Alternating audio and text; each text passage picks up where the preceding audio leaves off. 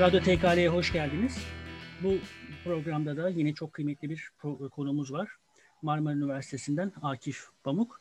Akif Hoca ile bugün e, kendisinin teolojiye sürdürülebilirlik alanındaki faaliyetleri ve bunun en önemli parçası olan Yeni İnsan Yayın Evi'ni konuşmak üzere e, bir arada bulunuyoruz bugün. Bu konuşmanın bir parçası olarak derslerimizde zorunlu olarak okuttuğumuz Batı uygarlığının çöküşü üzerine de konuşacağız. Hocam hoş geldiniz. Hoş bulduk. Hocam e, ben konuklarımı tanıtmayı çok sevmiyorum. Daha çok onlara kendilerini tanıttırıyorum. Bu benim de işime geliyor açıkçası. E, sizin Marmara Üniversitesi öğretim üyesi olduğunuzu söylemiştim. Bir tek daha ekleyeyim. E, Atatürk Eğitim Fakültesi'nde tarih öğretimi, e, ana bilim dalında öğretim üyesisiniz. Aslında evet. çalışma alanınız tarih yazımı ve tarih yazımı kimlik ilişkisi üzerine daha ziyadesiyle. Bu alanda yapılmış önemli faaliyetleriniz, basılmış kitaplarınız da var. Ee, ancak iş nerede döndü dolaştı da ekolojiye, sürdürülebilirliğe geldi? Biraz hem kendinizi kısaca tanıtmak hem de işin nerede bu noktaya geldiğine dair ya da bunlar çok alakasız şeyler midir ki hani ben bu soruyu soruyorum. Ee, buna dair hocam biraz sizden fikir alalım. Buyurun. Ee, şimdi e, tabii e, eğitim fakültesi, kimlik, e, ekoloji e, nerede kesişiyor? Şurada kesişiyor. E, aslında akademik e, kariyerim süresince e, kendimle e, bu kimliği nasıl inşa ederim üzerine bir e, çoğunlukla e, bugün e, akademide e, popüler konular tercih edilir ama her zaman için e, bir e, akademisyenin kendi e, ajandasındaki en önemli sorunun peşinden gitmesi e, daha nitelikli e, işler üretmesi açısından önemlidir. E, burada kimlik meselesi üzerine çalışırken e, modern dönemlerin kimliği e, üzerine e, bir e, çerçeve üretmeye çalışıyordu. Orada da e, hakikaten aydınlanmanın çocukların üretmiş olduğu o kimlik a priori özcü bir e, e, özellik taşıyordu ve aslında e, herkesin kabul edebileceği özneden bağımsız bir kolektif kimlikler bütünü üretiyordu. E, bu kolektif kimlikler bütünü içerisinde elbette kültürel kimlik, dini kimlik, e, politik kimlikler tartışması sırasında e, gömülü teori yapıyordum ve baktım ki gömülü teoride eksensel kodlama aşamasında politik kimliğin e, inanılmaz biçimde ön planda olduğunu ve e, bugün e, sakalımız, bıyığımızdan kıyafetimize kadar her şeyin aslında bir gösterge olduğunu e, deneyimledim ve oradan e, aslında bir modernit eleştirisi yapar, yaparken e, aydınlanmanın çocuklarının e, e, o ilerleme paradigmasının eleştirilerinin en fazla odanda da e, ekoloji meselesinin olduğunu gördüm. Yani bir gösterge olarak e, e, insanın insanla kurduğu iletişim biçiminin e, insanın e, doğayla kurduğu iletişim biçiminde e, farklı göstergelerin ortaya çıkardığını e, söylemek mümkün. Yani e, insanın insanla kurduğu ilişkideki o tahakkümcü bakış açısı doğayla kurduğu ilişkide daha gaddarcı olabiliyor. Yani bütün insanlık için düşünün e, bütün İstanbul'da yaşayan insanlar için e, Melen çayından e, su getirilen bir İstanbul'da yaşıyoruz. Bütün her şey insanlar için, bütün her şey o tüketimin e, bir göstergesi. E, birdenbire e, permakültürle karşılaştım ve e, benim kimlik çalışmamda e, permakültür tasarımları önemli bir yere oturdu. Çünkü e, permakültürde bir e, kalıcı tarım olarak e, bir e, yaşama bakış e, sunuyordu ve o yaşama bakış içerisinde bir tasarım olduğunu ve e, aslında kardeş bitkilerin olduğu, aslında bütün farklılıklarına rağmen bir uyumun olduğunu e, ön plana sunan bir e, ekoloji perspektifinden bahsetmek mümkündü. O yıllar yine lafınızı balla kesiyorum. Dinleyicilerimizin e, 20'li yaşlarının başında e, biraz daha nasıl söyleyeyim konunun alanın dışında olduğu insanlar olduğunu da gözünde bulundurarak ağırlıklı olarak. Kısaca hocam permakültür nedir? Hani Biraz bize onları e, anlatırsanız belki. Onun üzerine de devam edersiniz. Tamam. E, per, permakültür kalıcı e, tarım demek. E, normal konvansiyonel tarımın e, dış etkileri e, e, tanımlayarak üretmiş olduğu üretim biçimi yerine kendi doğallığı içerisinde ve kendi sürdürülebilir içerisinde ürünü üretmek ve bir yaşantı kurmak demek. Normal şartlarda e, bizim bugün herhangi bir e, markete gittiğimizde rafa, raftaki e, görmüş olduğumuz ürünün kimin ürettiğine dair herhangi bir fikrimiz yok. Bunu bir kenara bırakın. O ürünün nasıl üretildiğine dair de bir fikrimiz yok. Konvansiyonel tarım yani o aydınlanmanın çocukların tarım bakışı diyeyim. E, o tarım bakışında mesele e, aslında ürünün e, e, içeriği değil, e, ürünün daha fazla rafta kalması, ürünün albenisi olması falan.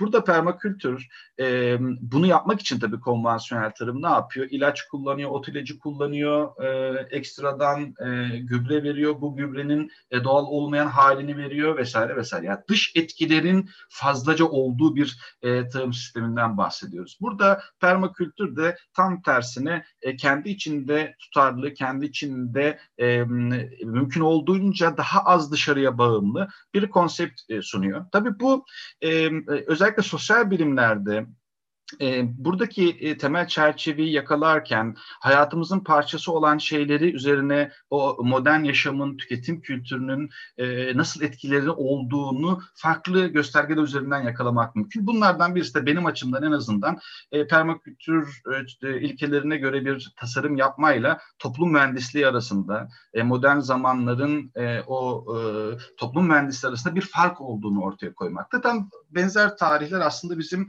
e, Yeryüzü Derneği'ni e, kurduğumuz tarihlerdi.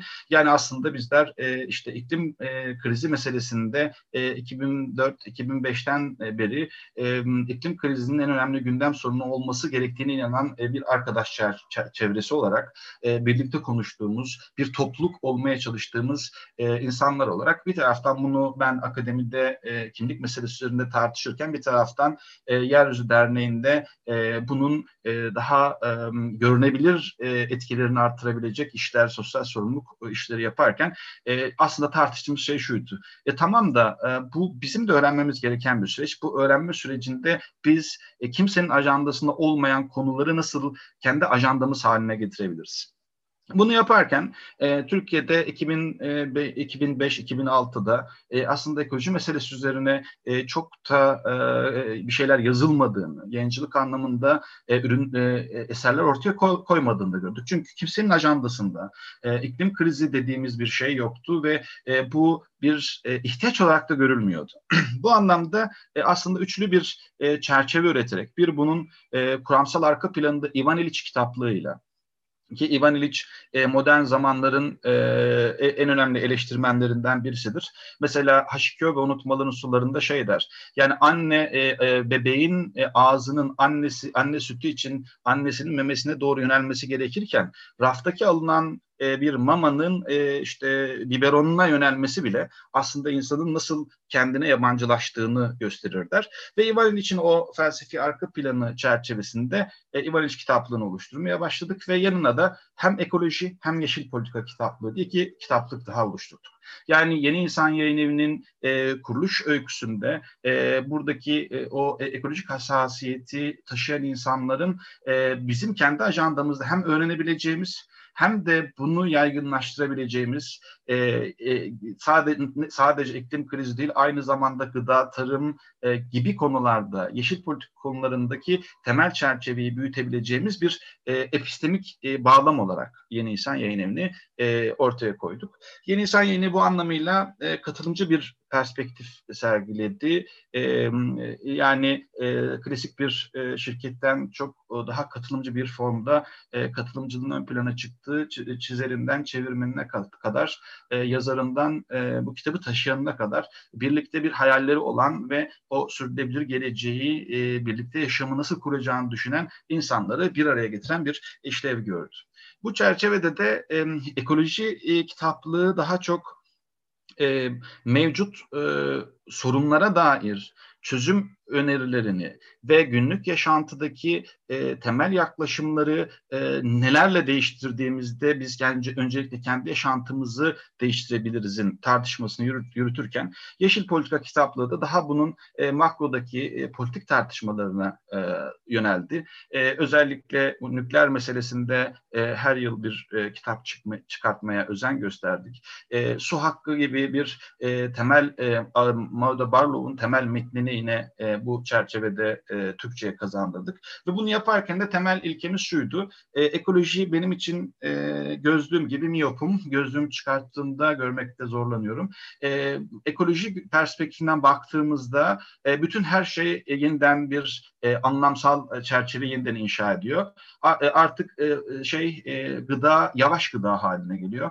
E, moda e, yavaş moda haline geliyor. Okul yavaş okul alternatif eğitime doğru, e, demokratik okullara e, ve Cemile'ye doğru bir e, perspektife dönüyor. E, benzer biçimde e, tarım dediğimiz şey daha ekolojik sürdürülebilir bir tarıma doğru evriliyor ve bu açıdan baktığımızda yeşil politika kitaplığımız temelde e, daha e, makro politikalar üzerinden enerji politikalarından tutun da su politikalarına kadar nükleere kadar temel bir çerçeveyi e, yeniden tanımlamak üzerine e, Türkiye'de aslında gündemde çok kez olmayan e, fakat olmasını istediğimiz e, bir çerçeve dönüştürmek için e, üretmiş olduğumuz serilerdi. Burada da tabii, tabii temel bakışımız şuydu. E, aydınlanmanın çocukları gibi yani nesnel bir doğru vardır önermesinden yani didaktik bir biçimde bunları insanlara öğretelim değil.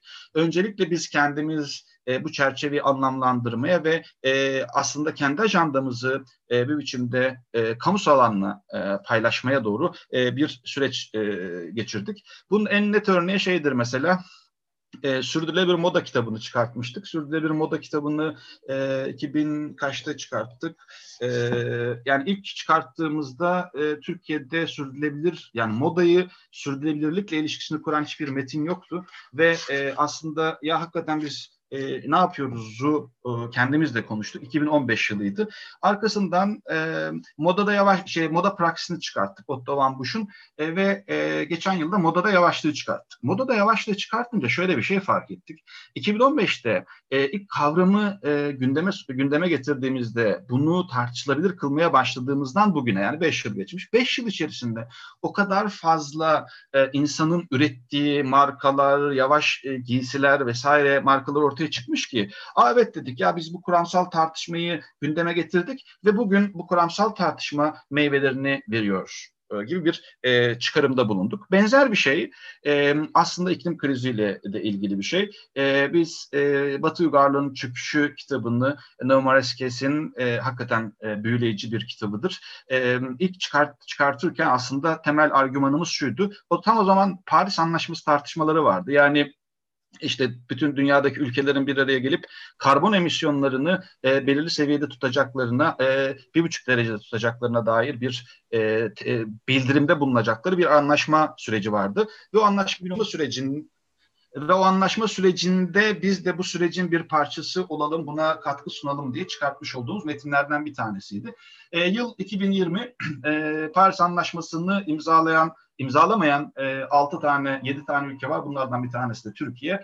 E, fakat çok şeyler değişti. E, nasıl çok şeyler değişti? Bugün e, işte e, Paris'in e, Paris Anlaşması'nın 5. yılıydı ve e, işte iki gündür, e, üç gündür e, Türkiye'deki e, ekoloji hareketini e, e, ekoloji hareketine gönül vermiş insanlar e, hala Paris'i anlaş e, Paris Anlaşması'nı imzalamadık, imzalayalım e, tweetleri e, paylaşıyorlar. E, öbür taraftan e, elbette e, dünyada hiçbir zaman için e, bugünkü olduğu kadar e, sıkışmadı e, sıkışmadan şunu kastediyorum. E, mesela Greta e, Çıktı ve iklim grevi yaptı ve iklim grevi e, çerçevesinde e, ona destek olan iklim grevine katılan insanlar ortaya çıktı, öğrenciler ortaya çıktı.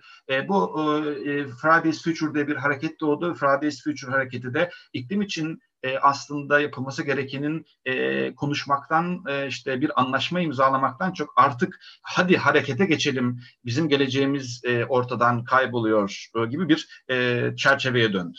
Bu açıdan baktığımızda e, e Batı Uygarlığı'nın çöküşü bizim için kıymetli bir metindir. E, iki açıdan kıymetlidir e, bir e, eco, ecofiction'ın e, Türkiye'deki e, ilk örneklerinden bir tanesidir yani ekoloji ve edebiyatın yan yana getirme biçimi aslında modern zamanların e, son dönemine ait bir türdür. E, buna eko eleştiri, eko eleştiri denir. E, buradaki e, ilk metinlerden birisidir. Distopik bir metindir. E, yani e, 1984'de okuyan e, öğrenci arkadaşlar e, 1984'teki işte e, e, anlatıya baktıklarında bugüne dair birçok örneği görürler. E, bu anlamıyla distopya e, ütopyadan e, daha gerçekçi forma e, dönüşmüş bir şeydir. Yani 2015 yılındaki ana ana akışta Novomoraskes'le e, Conway'in yaptığı ana ana tartışmada e, e, şey e, oradaki iklime dair tartışmanın e, aslında bugün ne kadar gerçek olduğunu yani 5 yıl sonra e, bugün ne kadar gerçek olduğunu da e, bir biçimde deneyimleyebiliyoruz. E, onlar aslında Batı uygarlığının çöküşü derken, geleceğe bakış derken e, kendi yazdıkları dönemden e, e, daha sonraki döneme dair ne, olabile, ne ola, olabileceğine dair bir öngörüde bulunuyorlardı. E, buna yarı e, gölge çağı diyorlardı. Yani iklim krizinin ne olup bittiğini algılandığı dönem diyorlardı. Ve arkasından fosil yakıt çılgınlığı dönemi diyorlardı. Ve arkasından da piyasanın çöküşü diyorlardı ve o iklim krizinin e, suların yükselmesiyle e, bütün o dünyanın sular altında kalmasıyla nasıl kurtulacağız bu sorundan e, gibi bir çerçeveyle yaklaşıyorlardı. Bu anlamıyla e, eko kurgu aslında e, şu eleştiri de yapmak lazım. Edebiyat bir araç için kullanılmalı mıdır? Kullanılmamalıdır e, tartışması yürütmek lazım ama e, Sezgin Toskan'ın Ekokurgu e, kitabında bahsettiği gibi ekolojik felaketlerle başa çıkma yolu olarak edebiyatı da e, bir taraftan e, yazarlar e, ve okurlar hiçbir zaman için e, bir kenara ayırmıyorlar. Onu da bir parçası kılıyorlar. E, ve aslında bizim öykümüzde Türkiye'deki bu ekoloji meselesinde, sürdürülebilirlik meselesine kafa yormaya çalışan e, bir avuç arkadaşın e, gün geçtikçe de çarpan etkisinin arttığı e, e, bir topluluğun e, ürünlerinin or, ürünlerinden bir tanesi ve bu ürünleri vermeye de devam edeceğiz. Teşekkürler hocam. Ee, blok halinde aslında bütün e, söyleşiyi bir şekilde özetlemiş de oldunuz. E, şimdi ben bir şekilde e, şeye dönmek istiyorum yeniden. E, Yeni İnsan Yayın Evi'ndeki e, zaten bahsettiniz. 2007 yılında e, ilk kuruluşu gerçekleştirildi. 13 yıl.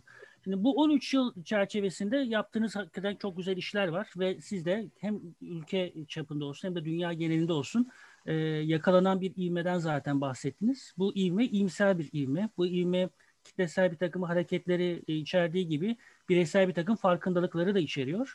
Ancak bunun bir de karşı ivmesi var ve bu karşı ivmeyi de bir tipping point dediğimiz yani her şey için yapıl yani her şey için çok geç olunabilecek bir eşik var orada bilimsel öngörülerle belirlenmiş olan. Bunu kimileri 10 yıl sonrasına koyuyor, kimileri 5 yıl sonrasına koyuyor. Ama o, o eşiğin orada olduğuna dair zaten bir konsensüs mevcut durumda. Bu iki eşiği karşılaştırdığımızda ya da bu iki ivmeyi karşılaştırdığımızda yani bizi bir yandan o tipping point'e doğru iten e, kitlesel fosil yakıt e, tüketiminin en öncüsü olduğu bir e, yaşam tarzı e, var. Bütün dünyaya yayılmış olan. Bir de sizin de bahsettiğiniz bunu engellemeye çalışan ve ivmelenen bir karşı bir şey var. Bir karşı hareket var.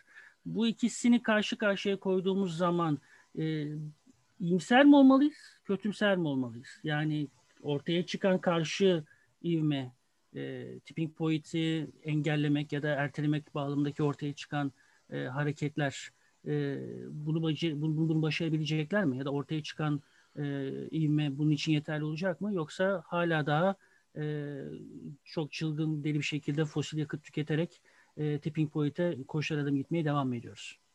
Şimdi bu şöyle bir zor, zor bir soru, ee, yaşayıp deneyimleyeceğimiz bir soru.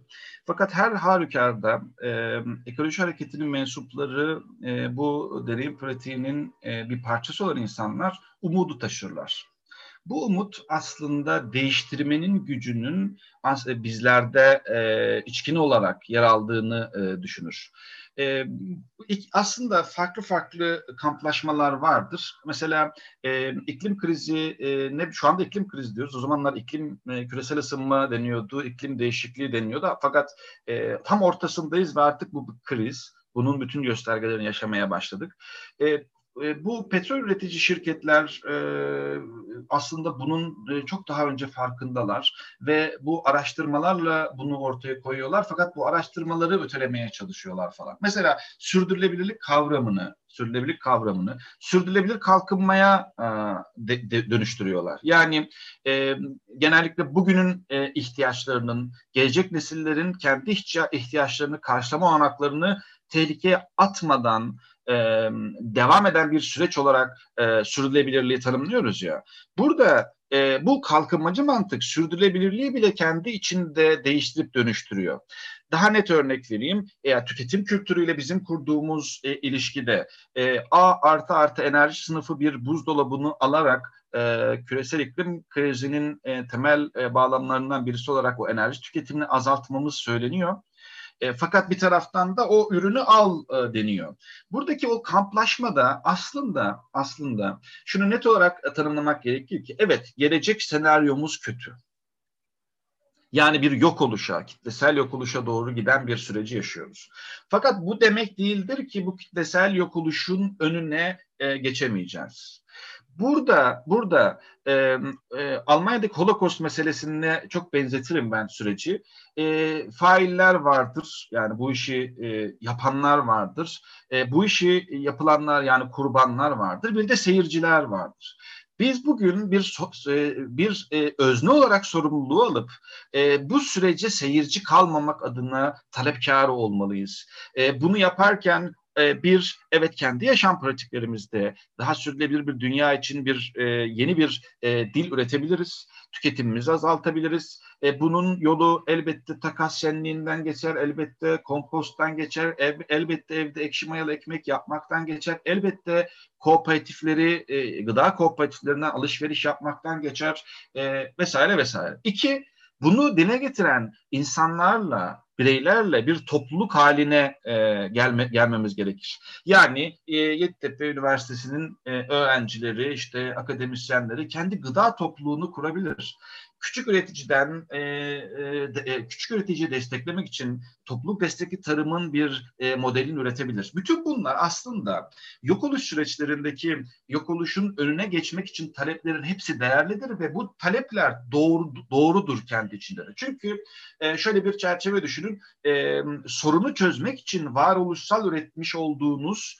e, yaklaşımlar aslında e, doğaları gereği hayatta kalmaya, hayata tutunmaya e, dair bir refleksler içerdiği için e, değerlidir ve e, doğrudur.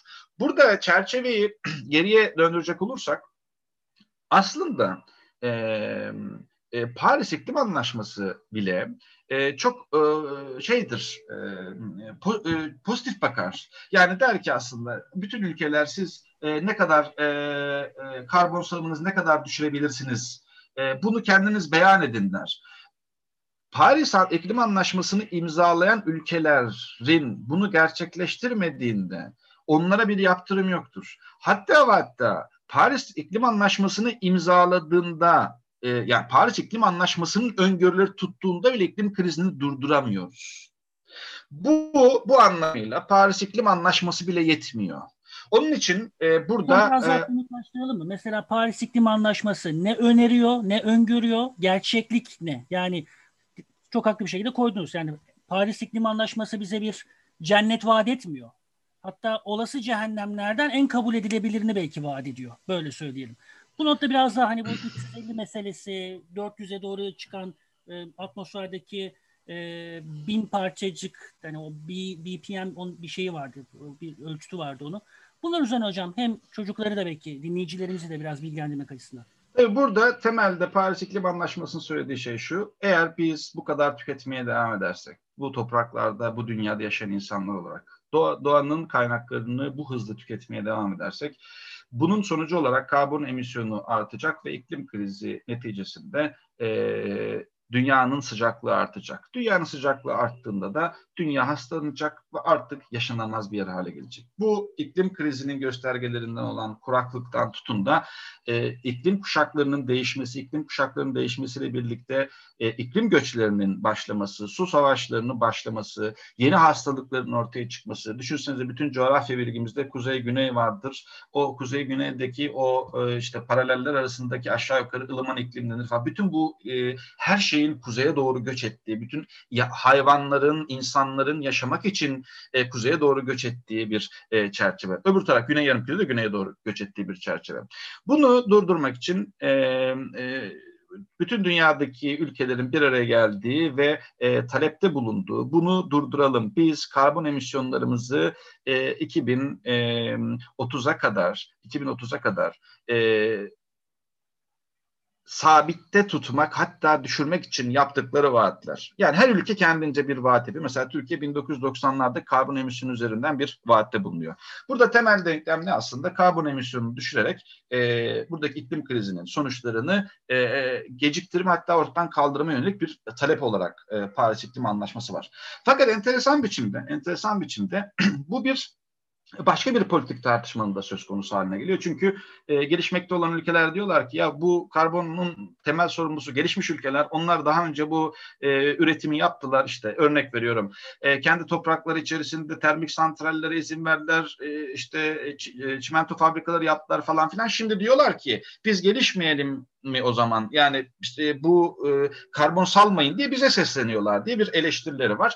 E, diğer taraftan e, geçmiş ülkelerde diyor ki ya bu bu, bu sizin e, önereceğiniz e, taahhütü siz kendiniz belirliyorsunuz. Eğer bu şekilde giderse e, iklim krizinden dolayı e, bizi hiç de e, güzel günler beklemiyor. İnsanlık bir yok oluşun e, temel e, e, e, temel basamaklarını e, geçmiş durumda. Burada nasıl iklim krizi ilk e, e, dünya gündemine geldi geldiğinde e, nasıl e, önce reddedildiyse arkasından aa öyle bir şey var mı deyip kabul edildiyse ve arkasından da ya yapsak mı acaba e, diye bir talep ortaya çıktıysa benzer bir süreci yaşadığımızı görebiliyoruz. Onun için de mesela Batı uygarlığının çöküşü bir stereotip üretir. Der ki e, bu e, üç evredir e, onların e, zihninde e, metin olarak. Yarı gölge e, çağı dediğimiz şey aslında bizim modern zamanlardır. Bu modern zamanlardaki tüketim ilişkilerimizdir. Arkasından fosil yakıt çılgınlığı patlar, e, karbon emisyonu acayip artar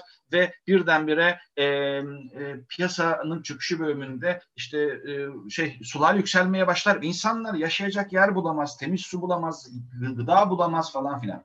Şimdi tam bu e, piyasanın çöküşü döneminde ilk defa devletler evet buna dair bir şey yapalım mı demeye başlar. Halbuki toplum, e, toplumdaki insanlar, akli selime inanan insanlar, e, iklim krizinin e, bir e, politikalar üstü bir çerçevede olduğunu ve adil bir geçişin sağlanması gerektiğini talep ederler.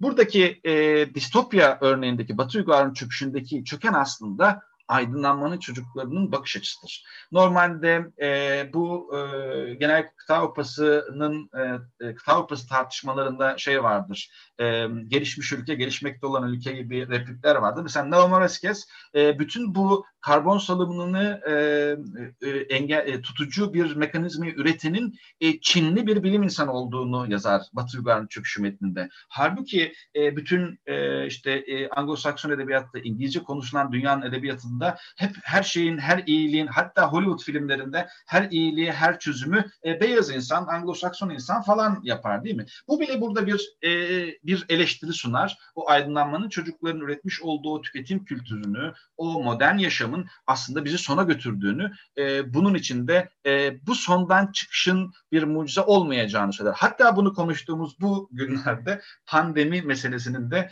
işte Çin'den çıkıp bütün dünyaya kasıp kavurduğunu ve e, bir gösterge olarak e, insanların yaşamının e, bir virüsten bile nasıl etkilendiğini e, ortaya koyması açısından e, ilginç bir e, deneyim sunuyor bize. Bir yandan tabii ki e, şimdi siz e, aydınlanmanın çocukları diyerek 18. yüzyıl başındaki e, insan doğa ilişkisindeki o devrimsel dönüşüme sürekli referans veriyorsunuz. Yani insanın kendisini içinde yaşadığı doğa karşısındaki muktedir konumunda keşfedip e, bunu sonuna kadar kullanması ve bunun üzerinden hem insan-insan ilişkilerinde hem de insan-doğa ilişkilerindeki e, ilerleme paradigmasının e, yol açtığı olumsuz etkileri aslında bir şekilde referans veriyorsunuz. Bir yandan evet modernitenin dünya bağlamında getir, yani modernitenin sonucu olarak e, kucağımızda bulduğumuz çok büyük bir kriz var. Ama bu krizi de mücadele etmek için yine modernite bağlamında geliştirdiğimiz ya da moderniteyle e, ancak sahip olduğumuz bir takım bilişsel, düşünsel ve teknik becerilere de ihtiyacımız var. Çünkü karşı taraf ona da saldırıyor. Yani iklim e, inkarcıları modernitenin getirdiği bu yüksek kültür bilincine ve bilimsel farkındalığa da saldırıyor. Bu konuda ne düşünüyorsunuz? E, evet orada e, bir iki kere iki dört siyah beyaz durumu yok. Tam da hani iklim krizinin ilk defa e, bilim insanları tarafından ortaya konulduğunda e, bu fosil e, yakıt şirketlerinin fonladığı çalışmalarla ortaya çıkıyor.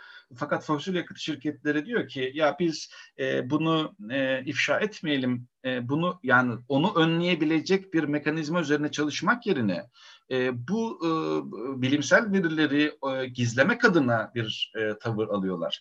Şimdi e, orada şahsi düşüncem şu, e, kolektif bir e, yani tekli bir dizgede bir çözüm yok. Yani e, aydınlanma modernite dediğimiz şey e, bir e, tekli bir dizge üretir. Yani bir işte bir aşı bulunduğu anda tüm e, e şey COVID aşısı bulunduğunda bu aşıyı herkese e, şey yapacağız, e, aşılayacağız ve e, COVID ortadan kalkacak değil mi? Fakat e, sosyal bilimler, insan davranışları böyle değil. Yani yani şunu demeye çalışıyorum. Böyle iki kere iki dört bir şey yok. Bugün sürdürülebilirliği bu ortamda değil de e, biz yüz yüze e, öğrenci arkadaşlarla birlikte konuşsaydık onların katılımı da olacaktı değil mi? Belki konuşma bambaşka bir yere gidecekti falan. Buradaki e, nihayetinde e, benim kendi adıma e, bulmuş olduğum çözüm şu. Evet, e, burada e, bilim insanlarının üretmiş olduğu bilgiler değerlidir. Aydınlanmanın her şeyde böyle tükaka edecek bir hali yoktur. E, aydınlanmanın üretmiş olduğu temel tartışmalar da e, a priori bir özcü tavırla iki kere iki dört şeklinde kabul edilip bir kenara konulmayacak şeylerdir. Bunları biz kendi yaşam pratiğimizde bir e, aksiyomatik olarak doğrular bütün olarak kullanabiliriz. Fakat bizim hayata yön verici olma duygumuzu kaybetmememiz gerekiyor. Bizler başka bir yaşamı, başka bir yaşamı birlikte nasıl kurabileceğimizin e, aygıtlarını üretmemiz gerekiyor. Bu sadece iklim meselesinde böyle değildir. E, eğitim meselesinde de böyledir. Yani öğrenci arkadaşlarının katılımcı olduğu bir format, öğretim programlarında e, nasıl olabileceklerine dair e, söylemiş oldukları fikirlerin anlam kazanması veya e, e, burada e, e, top, toplum içerisindeki e, temel e, e, niyetli topluluklar mesela bir vegan inisiyatifi olabilir. Bu mesela işte bir gıda topluluğu olabilir. Bu bu e, hayvan haklarının savunucuları olabilir. Hayvan e, hayvan deneylerine hayır derneği olabilir. Buradaki ilişki ağları bile modern e, bir versiyonda kurulduğunda, modern bir versiyonda kurulduğunda dikeylik taşır. Bir hiyerarşi üretmeye başlar. Hiyerarşinin üretilmesi demek özne olarak bizlerin e, ve katılımcılığın e, dışsallaştırılması demek demektir. Bu açıdan baktığımızda e, çok net biçimde şunu söyleyebilirim. E, burada istediği yani bütün her şeyin tarafı olacak. E, tam tersine biz bir düzen değil, düzenli kendimizin ürettiğimizi, ürettiğimizin farkında olmamız gerekiyor. Aslında bizim tüketici eğilimlerimiz e, a o e, kar, ekolojik karbon ayak izi yüksek ürünleri tercih ettiğimizde o e, e, ekolojik krizin e, krizi destekler bir pozisyona dönüyor. B e, tam tersine yerel slow food işte yerel e, yerel e, gıda meselesine kafa yorup küçük üreticiden alışveriş yaptığımız onların sürdürülebilirliğini sağlıyoruz. Hakikaten dünya bugün hiçbir zaman olmadığı kadar kafası karışık. Ee, burada kafası karışık olma durumu, kaos durumu bütün herkesi rahatsız ediyor. Fakat bu rahatsızlığın kendisi aslında bir ihtimaliyeti barındırıyor. O da şu, bizler bu kafa karışıklığında kendimiz e, aksiyometrik olarak e, bir şeyleri yapabileceğimizin gücün elinde bulunduruyoruz ve e, sürdürülebilir bir yaşamı öncelikle kendi hayatımızdan, sonra topluluk olarak birlikte üretebiliriz. Ve bunun bir ön koşulu olarak da aslında e, bizim o ekoloji kitaplığında yapmış olduğumuz tartışmanın bir sonucu olarak işte doğal üründen tutun da e, sürdürülebilir yaşamın diğer ilkelerine kadar temel çerçeveyi değiştirmekten geçiyor. Sürdürülebilirliğin ana e, kavramları, tüketimi azaltmaktan geçiyor. Bu Mesela şey ilginçtir. Kavramlar e, bir deneyim pratiğinde yolculuk yapıyor. Bu yolculuğun tam ortasında olduğumuz için yani filmin sonunu bilmiyoruz. Onun için ne olacağına dair de bir öngörümüz çok zayıf. E, çünkü filmi biz yürütüyoruz. Yani bunun nasıl sonuçlanacağını karar vericisi de bizler olacağız. Mesela bu geri dönüşüm meselesinde e, önce inanılmaz biçimde işte recycle meselesi çıktı. Yani geri dönüşüm işte ürünleri tekrar geri dönüştürelim falan filan. Biz e, e, ya bir geri dönüşüm kağıt kullanalım mı e, tartışması başlattık kendi aramızda. Yurt dışında da bir sürü ekolojist yayıncı arkadaşımız var. Onlarla yazışıyoruz falan. Ve en son şöyle bir yanıt aldık mesela. Ya dediler ki ya siz e, boşuna uğraşıyorsunuz. E, niye? Ya şimdi dediler siz atık kağıttan geri dönüşülmüş kağıttan kitaba bastığınızda o kağıt tekrar geri dönüştürülürken ikinci kez karbon salınıyor. Halbuki siz e, sizin kullandığınız kağıt zaten normal ağaçları keserek yapılan bir kağıt değil, endüstriyel kağıt. Şimdi büyük bir soru işareti. E diğer taraftan, diğer taraftan e, biz kendi içimizde e, bu değişim pratiğini tartışırken birdenbire ileri dönüşüm diye bir kavramı bundan e, 4-5 yıl önce tartışmaya başladık. Upcycle denilen mesela.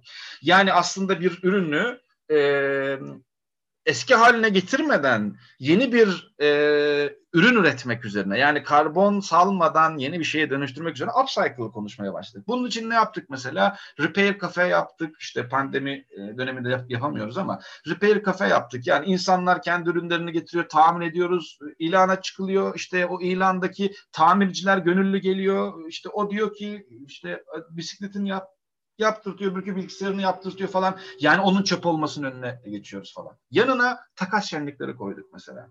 Yani benim e, üzerimdeki kıyafetim artık bana denk bana denk, denk gelmiyorsa onu temizleyip getiriyorum ve başka birisi bunu ihtiyacı olan başka birisi alıyor ki yeni bir ürün üretilirken bir e, bu karbon meselesinden dolayı e, tüketimin bir parçası olmayalım diye. Onun için Buradaki temel çerçevede de biz bir sürecin e, içindeyiz. O süreçte e, sürdürülebilirlik için atılan adımların hepsi değerli. E, bu süreçte özne olarak bizlerin, öğrenci arkadaşların, hepimizin e, talepleri, yaşam biçimleri, yaşam pratikleri hiçbiri birbirinden önemsiz değil. E, elbette bugün iklim krizinin tam ortasındayız ve Greta'nın dediği gibi ya bu kadar işte anlaşma falan bunlarla uğraşırken habire söz veriyorsunuz da biz sizden gerçek eylem bekliyoruz talebi de önemli. E, bunu söylerken işte e, e, tüketim alışkanlıklarımızı e, birdenbire değiştirmek belki mümkün değil ama parça parça değiştirmek elbette mümkün. Sürdürülebilirlik dediğimiz şey aşağı yukarı böyle bir şeye karşılık geliyor. Yani e, slow food, slow money, slow democracy, e, slow school, e, bunların hepsi slow fashion, bunların hepsi aslında yavaşlık derken sürdürülebilirliğe referans veren kavramlar haline gelmiş durumda. Ya burada bir başka gerilim ortaya çıkıyor bence hocam. Şimdi sizin anlattıklarınız bağlamında da şey düşünecek olursak e, sorunun çözümü bağlamında üç tip insan birlikteliği benim gözümde canlanıyor. Bir bireysel yani sorun var ve sorunun çözümü bağlamında alınabilecek bireysel tedbirler, bireysel aktiviteler, bireysel karşı duruşlar vesaire. İkincisi topluluksal. Yani sizin de önemli bir parçası olduğunuz, işte Yeni insan Yayın Evi'nde kristalleşen ve onun etrafında onu onun o yayın evinin var olmasına katkı sunan, o yayın evinin kitaplarını alan, o yayın evine kitap yazan, o yayın evine kitap çeviren vesaire vesaire ve o yayın evinin faaliyetleri etrafında örgütlenen binlerle, on binlerle, hadi çok imser olalım, yüz binlerle ifade ettiğimiz e, insan toplulukları. Ama bir de kitleler var. Ve şöyle de bir gerilimle karşı karşıyayız. Sorun, yani kriz o kadar büyük bir hale geldi ki topluluksal ya da bireysel değil, kitlesel dönüşümlere ihtiyacımız var. Bu bağlamda kitlesel bir dönüşüm için elimizin altındaki yine tek e, en kullanışlı aygıt politik ve devlet aygıtları oluyor politik aygıtlarda, devlet aygıtlarında kitlesel dönüşüm yap o gerçekleşmesi için gerekli dönüşümü gerçekleştirmedikçe topluluksal faaliyetlerin, bireysel faaliyetlerin krizin çözümü karşısında çok da anlamlı olamayacağına dair de bir görüş var. Ne diyorsunuz hocam bunun için? İşte bu görüşü görüşe katılanlardanım. Ee, bu bir e, şey zaten. E, kendi içimizde hani bir şeyle ilk defa karşılaşırız. O karşılaştığımız şeyi kavrama düzeyinde anlarız. Aa bu böyleymiş deriz. Arkasından bunu yaşamımızın bir e, e, pratiği haline getiririz ve deneyimleriz. Deneyimledikten sonra da onun için mücadele ederiz. Şimdi burada tam da sizin söylediğiniz şey e, bu deneyim sürecinden sonra bir talep olarak, hak talebi olarak bunu e, mevcut e, siyasal yapılardan istemek. Yani e, şunu söyleyeyim, e, burada bunu deneyimledikten sonra bu hak talebinde bulunmak daha gerçekçi oluyor. Elbette burada temel aks şeydir. Mesela Green New Deal değil mi? Yeni yeni yeşil düzen. E, şimdi Türkiye'de bu gün, gündemin bir parçası değil, e, tartışılmıyor. Çünkü e, bir taraftan pandemi var, bir taraftan ekonomik kriz var. E, insanlar e, geleceğe dair e, ben de dair geleceğe dair ne olup biteceğine dair hiçbir fikrimiz yok. Ama bir taraftan da iklim krizi durmaksızın devam ediyor ve yeni yeşil düzen e, denilen şeyi e, kıta Avrupası tartışıyor. Neyini tartışıyor? Karbon emisyonunu düşürelim. Neyini tartışıyor? Ge- ge- adil bir geçiş olsun. Yani termik santralleri kapatıyorlar, e, nükleeri kapatıyorlar. Bunun yerine e, güneş rüzgarı e, özellikle rüzgarı kullanmaya çalışıyorlar falan filan. Ve günün sonunda ne olacak biliyor musunuz? Avrupa Birliği karbon vergisi koyacak Türkiye'ye. Neden? Diyecek ki ya siz bunu e, üretirken işte ne kadar karbon harcadınız? Yeşil vergi koyacak. Yani bugün e, biz e, kendi aracımızla İstanbul'un en merkezi yerine girebiliriz.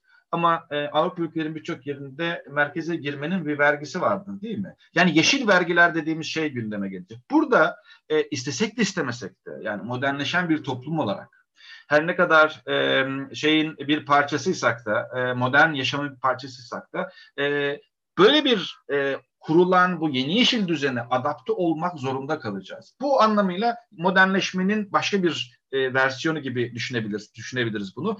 Bir e, sürüle, sürülebilirlik yaşamı bir parçası olma, hayatı yeniden revize etmenin bir e, sonucu olarak bu var. Burada da e, o topluluklar dediğimiz, o sizin ikinci kategori olarak tanımladığınız e, e, arkadaşlar, insanlar, bunu dile getiren, bunun sözcülüğünü yapan arkadaşlar.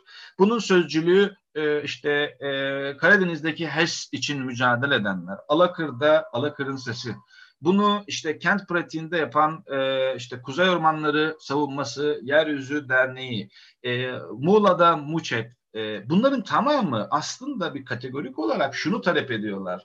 Bizim e, talep ettiğimiz e, sürdürülebilir yaşam e, buradaki gerçeklikle örtüşmüyor. Bu örtüşmeme durumunu ortadan kaldırın. Bizim doğa, biz bu doğa bizim bu doğamıza sahip çıkalım diyorlar. Bu hak talepleri aslında aslında özellikle e, 68 kuşağı sonrası ortaya çıkan e, ekolojik yurttaşlık tartışmasının bir parçası. O ekolojik yurttaşlık tartışmasıyla o e, siyasalın da e, bunu e, yeniden gözden geçireceğini e, düşünüyorum. Burada şöyle düşünün, herhangi bir siyasi parti anket yapmış, Türkiye'deki insanların e, yüzde 95'i iklim krizine dair bir politika istiyorum dese e, herhalde e, bütün siyasi partiler iklim krizine dair e, bir şeyler yaparlar, e, bir vaatleri bulunur. Onun için bu hak talebini daha da büyütmek, e, bu tartışmaları daha da güçlendirmek gerekiyor. Sadece e, belirli alanlarda değil, tüm alanlarda. E, bu sürdürülebilirlik meselesini sürdürülebilirlik iyi ebeveynlikten tutun da e, sürdürülebilir yaşamın bir parçası olarak sürdürülebilir gıda, yerel gıda, gıda meselesine, iklim krizi meselesine kadar. Hocam biraz da kitaba konuşmak istiyorum. Kitabı e, kitap hakkında bazı sorularım olacak. E, siz bu kitabın editörü de gözüküyorsunuz. Batu Uygar'ın çıkışını, Oreskes ve Conway. Aslında biraz bahsettiniz. Yani kitabın yayın evinin yayın politikası bağlamındaki değerini ve kıymeti üzerine biraz konuştunuz. Ama çok hızlı bir e, reaksiyon veriyorsunuz. Yani 2014 yılında yanlış hatırlamıyorsam kitap çıkıyor. Hemen ertesi yıl siz çevirip e, yayınlıyorsunuz. E, nasıl radarınıza girdi? Nasıl fark ettiniz? Yani hangi anlamda bu kitap yayın evinin yayın ilkeleriyle buluştu da bu kadar hızlı bir şekilde çevirip yayınladınız? Şimdi o tarihler bizim e, iklim krizi meselesine e, tartıştığımız tarihlerdi. E, iklim için diye bir hareket vardı o yıllarda. E, bu iklim için hareketinde e, genellikle ne yapacak, ne yapabiliriz? E, işte iklim için e, akademisyenler, iklim için e, öğrenciler gibi yapılar ortaya çıkıyordu ve o sırada e, aslında şöyle düşünün e, şey e, çok sınır tanımıyor. E, yani iklim krizi, İngiltere'de iklim krizi, Türkiye'de de iklim krizi. E, İspanya'da da iklim krizi. Yani bazı e, diğer konular gibi ekoloji meseleleri daha e, böyle evrensel konular.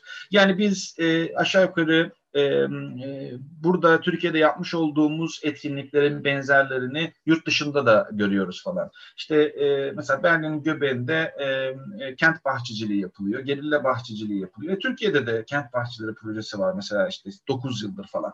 Yani şeye göre yani derdiniz, sorununuz daha aciliyetliyse e, topluluk olmanın hissiyatıyla kim ne yapıyor diye takip ediyorsunuz. Yani o etkileşim yüksek tutmanız gerekiyor. Mesela Ekoköy girişimimiz vardı. E, e, e, e, mesela Dünya Ekoköyler Ağı diye bir ağ var. O ağda e, mesela pandemi döneminde ekoköyler ne yapıyor diye tartışılıyor falan. Yani aslında iletişim kanallarımız e, çok güçlü e, ve o iletişim kanallarının etkileşim kanallarımız da çok güçlü. Bunun için birlikte ne yapabiliriz e, tartışmaya çalışıyoruz. Elbette e, bu, bu metnin e, ortaya çıkışında e, birçok arkadaşın emeği var. E, elbette çevirmen arkadaşlarımızın emeği var. E, çevirmen arkadaşlarımız da sağ olsunlar Oya, Oya e, Tuğcu Özağaç ve Bora e, Kabatepe. Ya, Ömer Madra'nın e, Açık Radyo'dan Ömer Madra'nın e, çok büyük emeği var. Kendisi e, kitap e, çevirdikten sonra Açık Radyo'da zaten bunu okumuştu.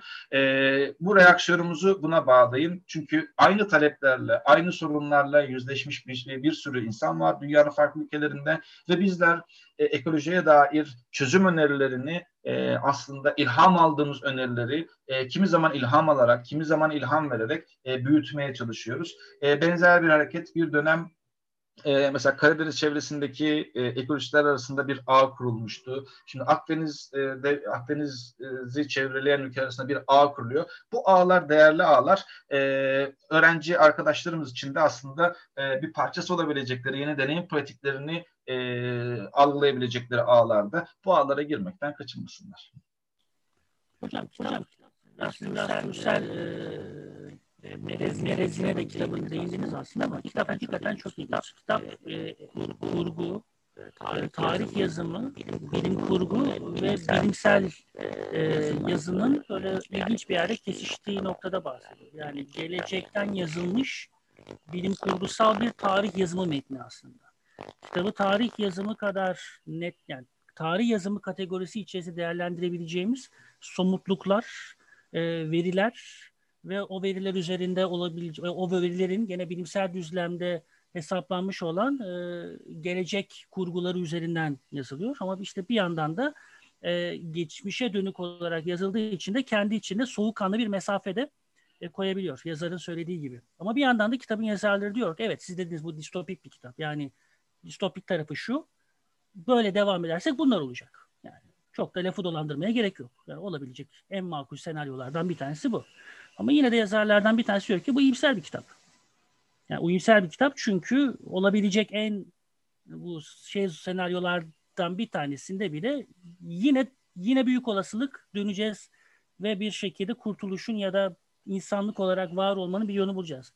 Buradaki mesele sanırım hani sürdürülebilirlik kavramı etrafında da konuşacak olursak mevcut kültürel, toplumsal e, ilişkilerimizi ya da üretim tarzımızı koruyarak devam edebilmek istiyorsak eğer yapmamız gereken bir takım şeyler var. Bunu yapmazsak eğer evet gene bir şekilde toparlarız ama iş işten geçmiş ve bildiğimiz çok başka tür, ya bilmediğimiz başka türlü bir dünyada ve çok da istemediğimiz başka türlü bir rejimler dizgesi içerisinde yaşıyor olacağız demeye getiriyor. Biraz hocam buradan devam edebilir miyiz? Yani bu imserliği nasıl görüyorsunuz siz? Tırnak içerisinde.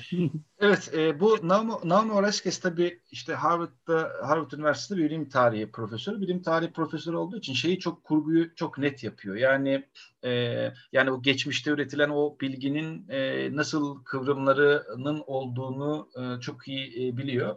Bir taraftan da e, bir e, e, tarihçi bir kimliği de var. E, e, Eric Conway de e, bir teknoloji tarihçisi, bilim tarihçisi.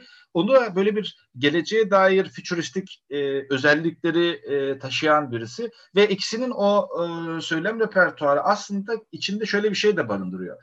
Yani distopyalar, ütopyalara göre gerçekleşmesi e, daha mümkün şeyler. Çünkü e, ütopya için e, e, her şeyin normal şartlar altında muhteşem e, devam etmesi gerekir. Fakat hayat hiçbir zaman için e, böyle normal şart falan dinlemiyor. Distopyadır ama umut verici bir distopyadır. Çünkü sonunda sonunda hala Noam Oreskes ve e, Eric Conway e, şunu söylüyorlar. Evet e, biz insanlık olarak e, o e, kutsadığımız, değerli gördüğümüz aklımızı kullanarak bu kadar gösterge içerisinde, bu kadar e, iklim krizinin göstergeleri içerisinde e, hala e, da biz kendimize güvenimiz var. O güven üzerinden biz hala bunu başarabilirizin tartışmasını yürütüyorlar. Onun için e, o günün sonunda bir Çinli bilim insanı o karbon emisyonunu sağlayacak bir yutağı buluyor. Bu e, aslında bir de şöyle bir e, net bir mesaj veriyor o da şu. Biz göz göre göre göz göre göre iklim krizini e, iklim krizini yok sayarak e, geleceğimizi sürdüremeyeceğimiz kesin. Bunun için bunun için herkesin aklını başına alması gerekiyor. Bu aklı başına alma birey için başka bir anlam ifade ediyor. Topluluklar için başka bir anlam ifade ediyor e, ulus devletler için başka bir anlam ifade ediyor ama toplamda bütün insanlık için başka bir anlam ifade ediyor. Orada e, özellikle e, bu soğuk savaş döneminde e, iklim değişikliği ile ilgili bir e, Norman Oreskes'in bir çalışması vardı mesela. E, o orada mesela şeyi çok e, net görüyoruz. Ya böyle politik e, bir tartışmadan e, hani e, Türkiye'deki gibi sığ bir sağ sol vesaire tartışmasının azade bir şeyden bahsediyoruz. Yani iklim krizi geldiğinde, iklim krizinin sonuçları geldiğinde, yani Covid-19 bu insan Müslüman, bu liberal, bu seküler, bu işte Sünni, bu Alevi demiyor yani. Bütün insanlığın o şemsiyede e, birlikte e, göğüsleyeceği bir sorun olarak var. Ve bu açıdan o Noam Oreskes'in e, çok net e, tanımladığı, e, hala bir umudun olmasının bir bağlamı da o. Nihayetinde e, insanlık bundan tamamen e, etkilenecek ki mesela o e, fosil yakıt çılgınlığı bölümde e, e, sular yükselmeye başladığında e, e, insanlar göç etmeye başlıyor. Şimdi insanlar göç etmeye başlıyor. Oradaki rakam 1 milyon. Yani 1 milyon insandan insanın göç etmesi demek 1 milyon göç öyküsü demek. Yani hayal edebiliyor musunuz? Evimizi, barkımızı bırakacağız ve e, göç etmek zorunda kalacağız. Bu o kadar e, ağır ve acı bir şey ki.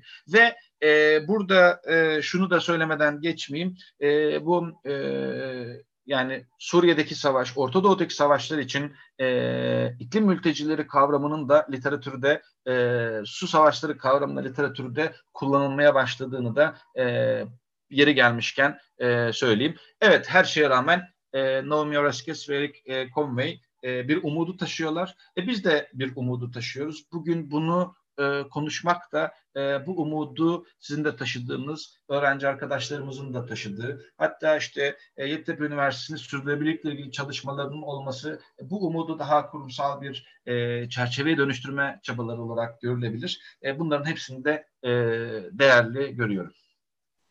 Hocam çok teşekkür ediyorum katkılarınız için ve değerli görüşleriniz için.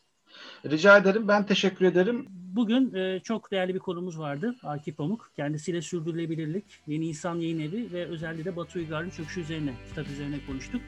E, bir başka programda bir araya gelmek üzere. Esen kalın efendim.